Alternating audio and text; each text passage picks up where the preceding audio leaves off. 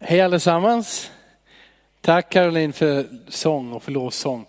Jag vill dela lite grann eh, ifrån Bibeln med er, speciellt på grund av vad det är för dag imorgon.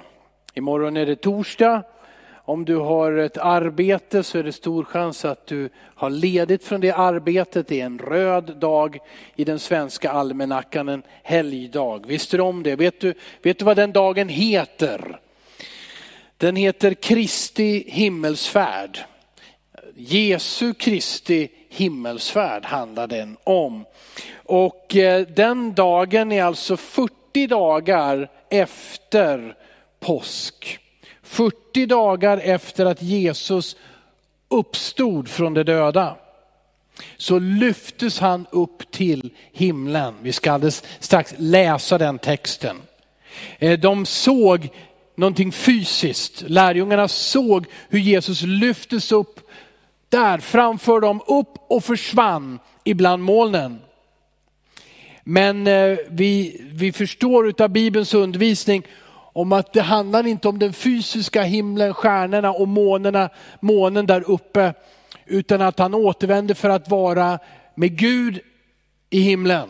I den himmel som är den andliga världen där Gud bor och där han har skapat allt som finns.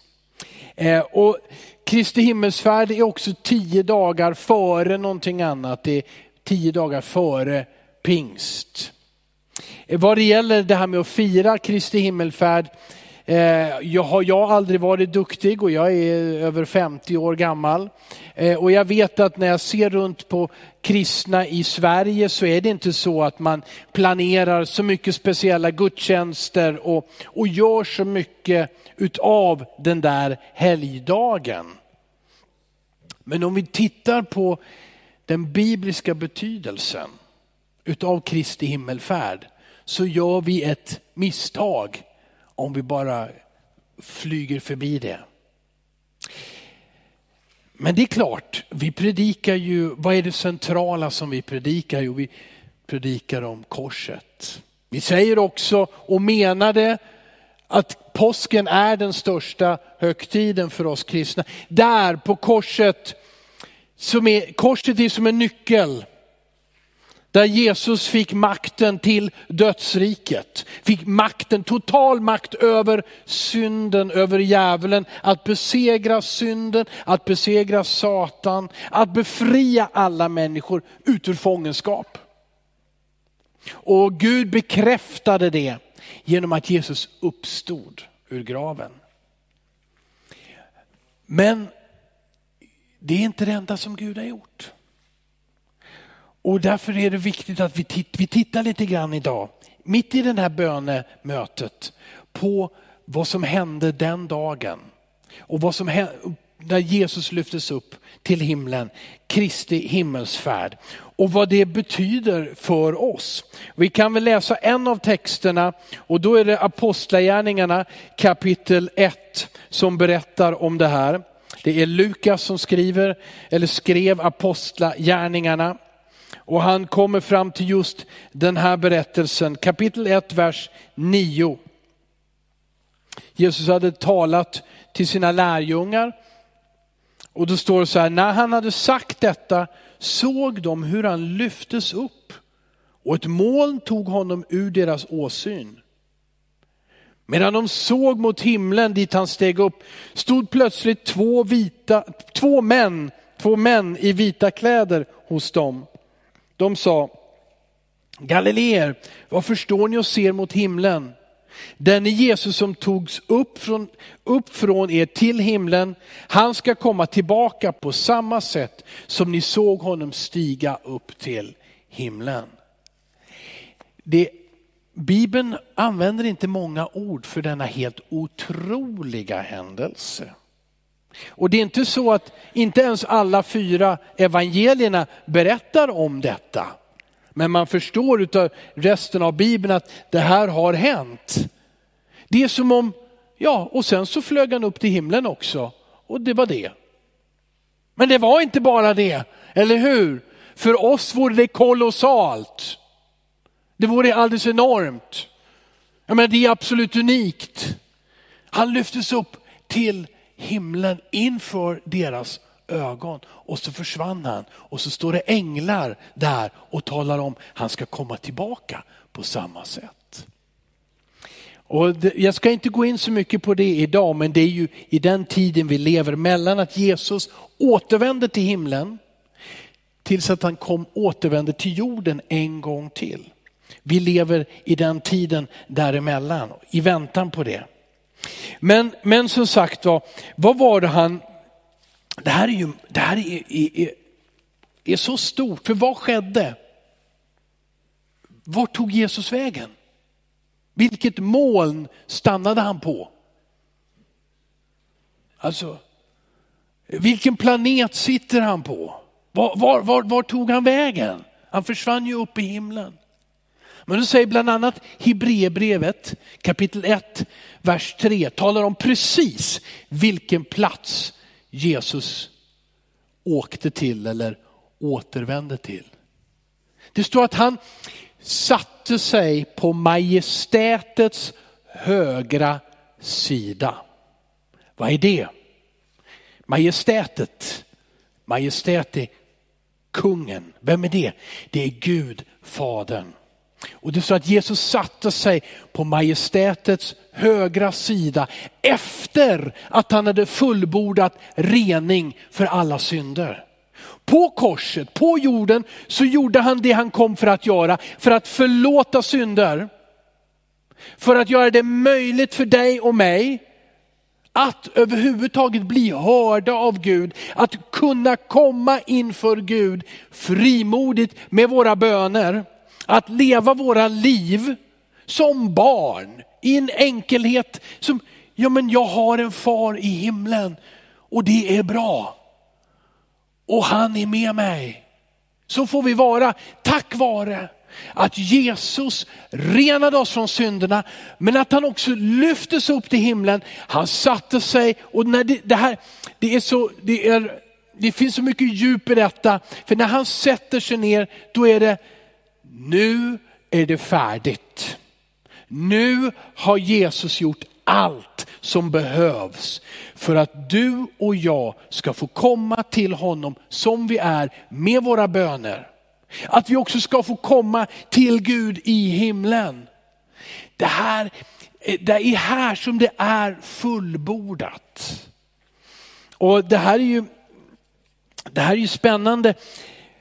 För tänk också på det här. Att det är det ögonblick som Jesus återvänder till himlen och sätter sig på faderns högra sida. Som han återfår allt som han frivilligt hade lämnat ifrån sig när han blev människa. Bibeln undervisar, Filipperbrevet säger att han avsade sig, vi skulle kunna säga Jesus, när Jesus blev människa det var liksom som han klädde av sig det som han hade som Guds son av evighet. Han blev hundra procent människa.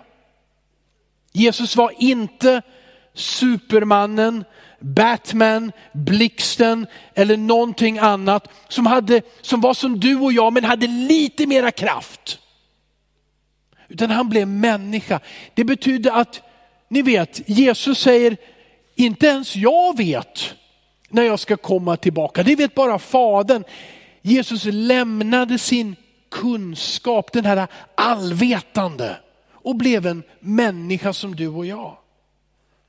Jesus kom, han föddes på jorden i en familj i Betlehem, växte upp i Nasaret, reste över dåtidens Israel. Han var begränsad i rum. Han var där han var inte hos, han var inte i Amerika, han var inte i Kina. Han var absolut inte i Sverige. Han var där. Han var människa som du och jag, begränsad.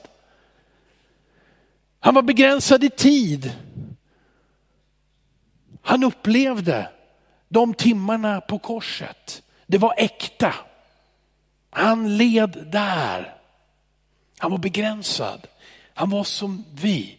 Men när han sätter sig på faderns högra sida, då är det som Guds son av evighet. Och han vet allt, han ser allt, han kan allt, han förmår allt. Allt är hans. Och Bibeln vittnar om hur Fadern ger sonen allting och säger regera över allting. Det är honom som vi vänder oss till. När vi kommer till Gud, vi kommer i Jesu namn. Han som sitter på Faderns högra sida och har gjort allt för oss. Och som är allt. Det står att han, vad gör han där? Det står att han ber för oss. Förstår du? Han som är allt, som kan allt, som vet allt. Han sitter där och ber och han ber inte till en fader som inte vill hjälpa. Utan han ber till en fader som är i perfekt enhet med Jesus och säger, det är bra Jesus att du ber, för jag ville precis välsigna Susanne ikväll. Förstår du? Amen. Ann, Jesus säger till fadern, idag, jag tänker på Ann, ja det gör jag med, säger fadern. Jag beskriver det på ett mänskligt sätt men ni förstår, det är en enhet. Där sitter Jesus. Och han ber för dig och mig. Vilken skillnad när jag sitter där i bänken. Och nu hörde jag inte allt som de bad för. Eller så, eller så, och nu försvann mina tankar iväg och jag tänkte på något annat medan stickan bad. Aj, aj, aj, Kalle, det var inte bra. Och, och, och Gud, ja, så, ja, mina bö, be för rätt sak. Vill du verkligen det här som jag ber om? Eller vill du något annat? Alltså jag har alla möjliga idéer när jag ber som är så typiskt mänskliga och tvivel. Men Jesus han ber för dig precis för vad du behöver och du får precis vad han ber om. Det finns inte en sekund av tvekan för han har gjort allting. Han har besegrat döden. Han har ödmjukat sig djupare än någon annan människa. Och därför så står det att Fadern har upplyft honom, ärat honom. Namnet Jesus och det skakar i universum och långt därutöver. Det finns inget namn som namnet Jesus. Och det är det namnet som står skrivet på dig, på ditt hjärta. Du tillhör honom. Det, det är så ofattbart att Gud har ett öra. Att Fadern har ett öra för Jesus när han pratar om dig och mig. Och du och jag tänkte, det är ingen som bryr sig om mig. Det är ingen som bryr sig om mina rättigheter. Det är ingen som tar hand om mig. Men du har fel när du säger så. Du ska inte odla sådana tankar. För Jesus han pratar med Fadern om dig. Och de är glada och de ser en framtid och de ser en kraft. Det är så starkt vad som skedde den dagen, Kristi himmelfärd. När Jesus lyftes upp och han satte sig vid faderns högra sida. Det här är på något sätt också som en, en kröning. Kungars kung som får all makt över allting. Som hyllas av hela himlen. Alla änglar, alla väsen, allting hyllar honom. Återvänder som en, en hjälte till himlen. Efter ett utfört uppdrag. Han hade gjort allting. Han kröns. Och det står, ja men vi, vi ska, ska det markerar slutet på hans begränsningar. Han blir upphöjd. Vad skulle han göra? Vad skulle han göra? Jag vill citera Johannes 12 och 32. När han nu kommer tillbaka då till himlen, han sitter på tronen. Vad ska han göra? Jo, han ska be för oss. Det är en sak. Det har jag redan nämnt. Nummer två här. Johannes 12 och 32. När jag blivit upphöjd från jorden ska jag dra alla till mig. Och Petrus, när han predikar, han proklamerar att var och en som bekänner Jesu namn, var och en som ropar till Jesus ska bli vad då? Ska bli frälst. Jesus är där för att dra alla människor till sig. Du undrar, vill han frälsa mina föräldrar? De verkar inte tro på Gud. Vill han frälsa mina barn? De gör vad de håller på med och vad de vill. Han vill, han sitter där och han drar alla människor till sig. Och i namnet Jesus så blir varje människa frälst som åkallar Jesu namn. Det skulle han, han ska frälsa människor. Man ska göra någonting annat som också är, är speciellt begeistrande för, för oss som kallar oss för pingstvänner. När han återvänder till Fadern, då skulle han sända, vad då? Hjälparen, den helige ande till oss. Det står i Johannes kapitel 16 och vers 7. Johannes 16 och 7. Det här sa Jesus medan han fortfarande var på jorden. Jag säger er sanningen, det är för ert bästa. Andra översättningar säger det, det är till nytta för er. Äh, det är det allra bästa för er, säger han, att jag går bort. Och lärjungarna ropar nej! Det tyckte de inte alls, men Jesus vet vad som är bäst. Han sa, det är det bästa, det är till nytta för er att jag går bort. Varför? För om jag inte går bort kommer inte hjälparen till er. Men när jag går bort ska jag sända honom till er. Det här är vad Jesus säger.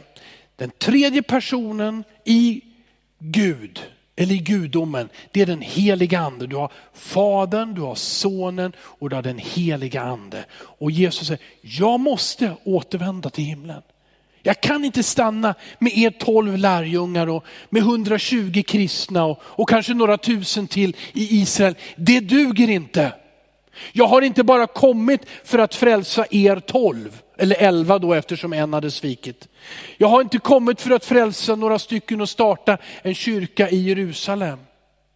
Ni har kommit för hela världen. Och därför så lämnade Jesus jorden och med det allt detta begränsade av tid och rum, plats, allting. Och så säger han att jag ska sända hjälparen och hjälparen ska alltid vara med er.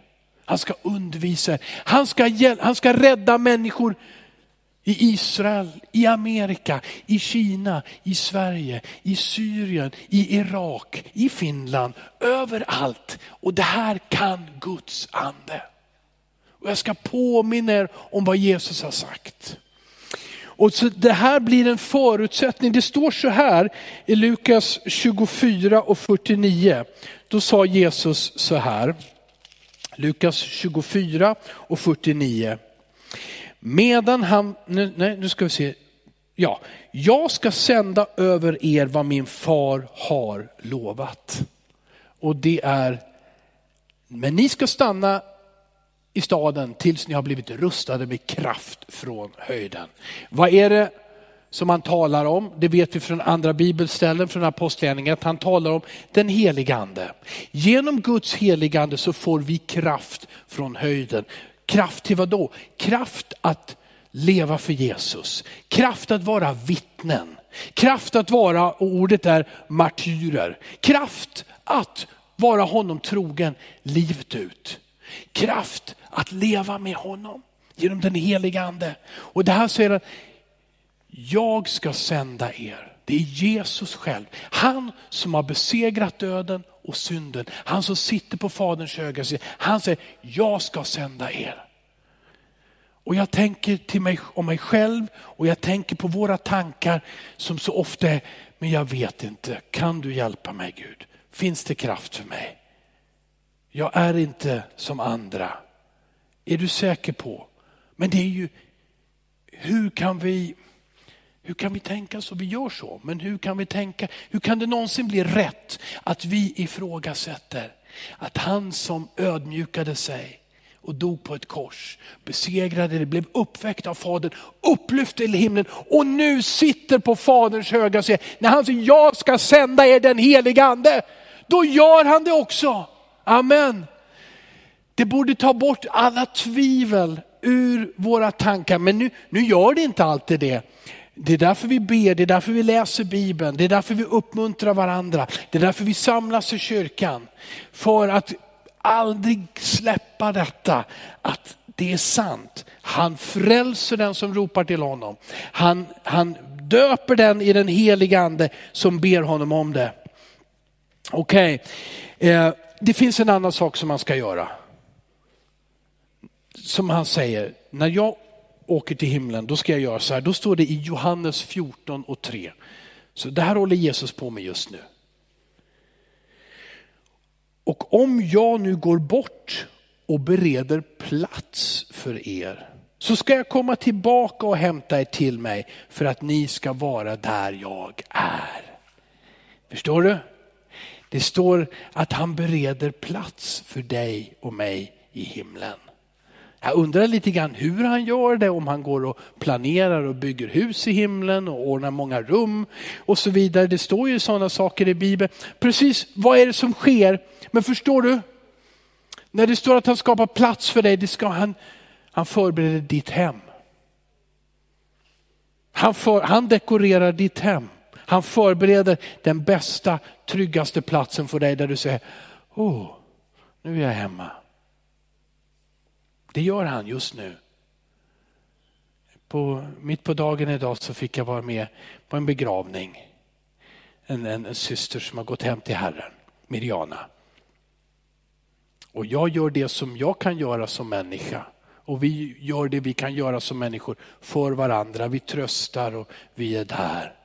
Men Jesus, han har förberett ett hem för Miriana.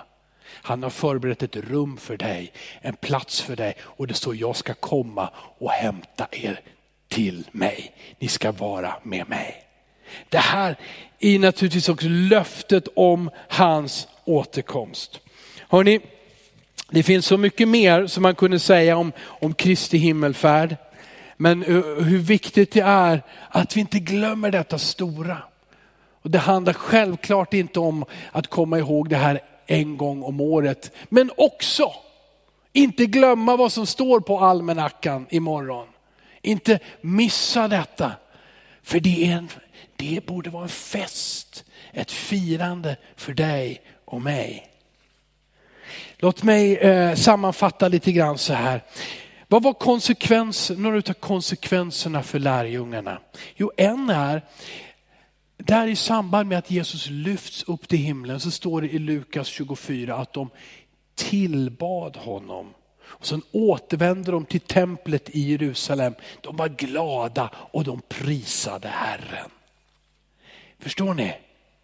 De hade, inte, de hade följt Jesus, men de hade inte alltid tillbett honom. De tillbad honom.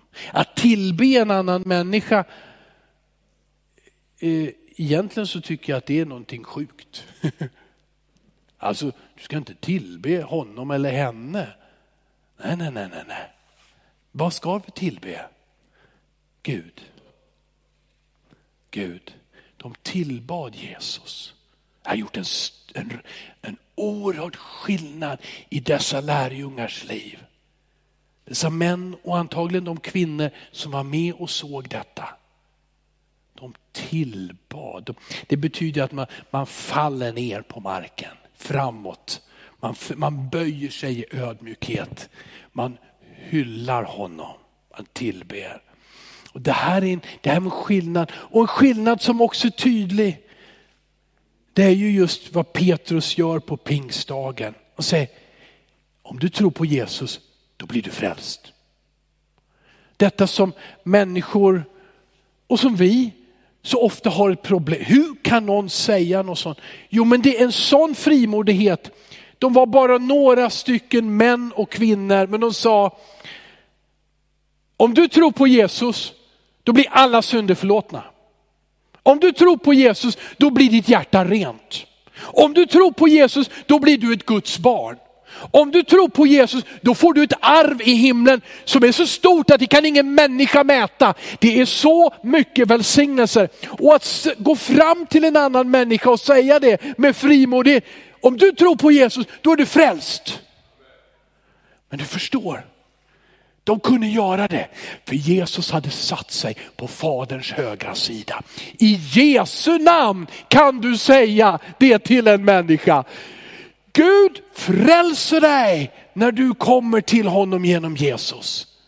Han förlåter och renar dig. Han svarar på dina böner. Han förvandlar ditt liv. Han ger dig en plats i evigheten.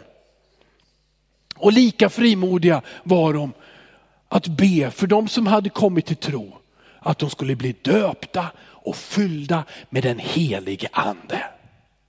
Att Guds kraft skulle komma. Ingen tvekan. Berättelsen om hur de reste ner till Samarien, för där hade Filippus predikat och många trodde på Jesus, många blev döpta i vatten. Men det står de var ännu inte fyllda med den helige ande. Och apostlarna skickade Johannes och så skickade de Petrus och så kom de dit och la sina händer på de som trodde. Och de blev fyllda av den helige ande. De talade nya språk, de prisade Gud, de profeterade och de började leva med anden. Och denna, denna frimodighet är som en självklarhet. Varför? För att han lyftes upp till himlen. Han har satt sig på Guds faderns högra sida. Därifrån kommer han att komma tillbaka. Därifrån kommer han att döma levande och döda, säger vi i det som kallas för trosbekännelsen. Därifrån utgår Guds ord. Och det står att i Hebreerbrevet, i kraften av Jesu ord, det upprätthåller hela vår existens, hela universum. I ordet ur Jesu mun. Det finns en sån kraft. Amen. Så han tar emot din lovsång. Tvivla inte på det. Men låt det inte vara utav halva hjärtat. Jag får också lära mig att lägga bort mobiltelefonen och jag tycker också det är svårt ibland. Det har blivit liksom en nya frestelse och grej. Oh, mobiltelefonen. Jag får också lära mig att men Jesus, jag måste, jag måste tillbe dig. Jag behöver ju inte alltid lyssna på vem som ska skriva något till mig. Det är ju inte just du. Så, ja, det är ju snälla människor ofta, men, men jag vill lyssna på dig. Han tar emot din tillbedjan. Du tycker att du är svag, men han tar emot din tillbedjan. Du tror att det inte duger vad du ger honom. Dina ord är för få eller för dåliga. Nej, han lyssnar på dina böner. Han tar emot, han älskar dig och han vill att du ska älska honom tillbaka. Och om det gäller dig eller om det gäller någon annan. Jesus frälser, han räddar, han förlåter från all synd. Var frimodig och säga förlåt mig Jesus. Bli min Herre. Gud bli min far. Jag har inte varit ett bra Guds barn, men jag kommer till dig. Våga tro. Han frälser, han förlåter, han renar han upprättar. Och tveka inte att be honom om kraft. Att be honom att han ska fylla dig med den helige ande. Och så ska Gud få göra det han ville göra med ditt liv från första början. Att du ska tjäna honom och du ska veta att han är med dig. Amen. Det är underbart, underbart med Kristi himmelfärd Underbart att han kommer tillbaka. Att han håller sina löften. Men underbart att i den här tiden som vi lever emellan detta så frälser han människor. Döper han människor i den helige ande. Ger han kallelser och gåvor och kraft att tjäna honom.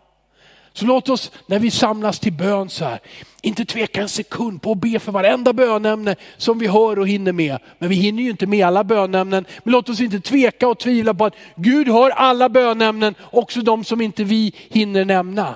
Men när vi ber för någonting, låt oss vara frimodiga.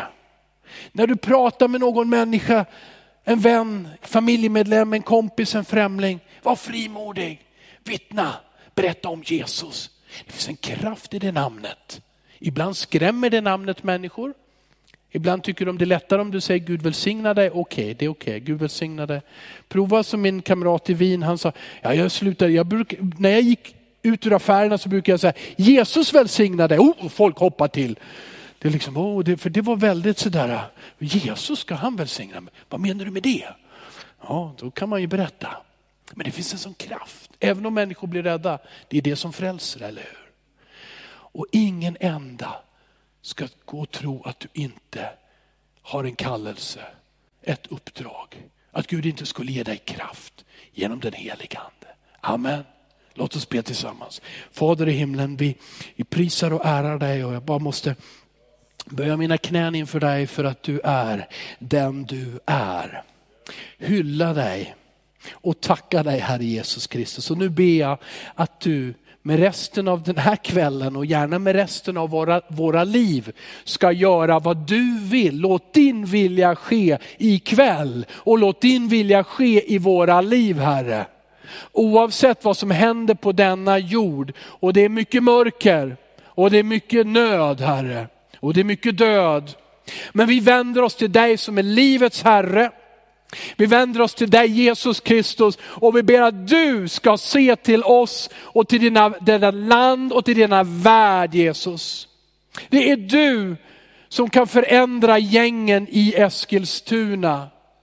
Det är du som kan stoppa hämnden, skjutningen Herre. Det är du, vi ropar till dig för Eskilstuna och vårt land. Det är du Herre. Det är du som kan upprätta en kvinna som är trasig och slagen och missbrukad och förbrukad. Det är du som kan upprätta en människa Herre. Vi ber till dig Herre, vi ber för barn som är rädda och oroliga i vår värld. Det är du som är fadern ifrån himlen, som omsluter oss på alla sidor. Herre, vi upphöjer dig och vi ber till dig. Hör våra böner Herre. Fyll våra hjärtan med kärlek till dig och till varandra. Jag ber dig, Herre Jesus, jag tackar dig för att vi får predika det som heter evangelium. Goda nyheter om människors frälsning, upprättelse, förvandling. Vi prisar dig Herre i Jesu namn. I Jesu namn. Amen.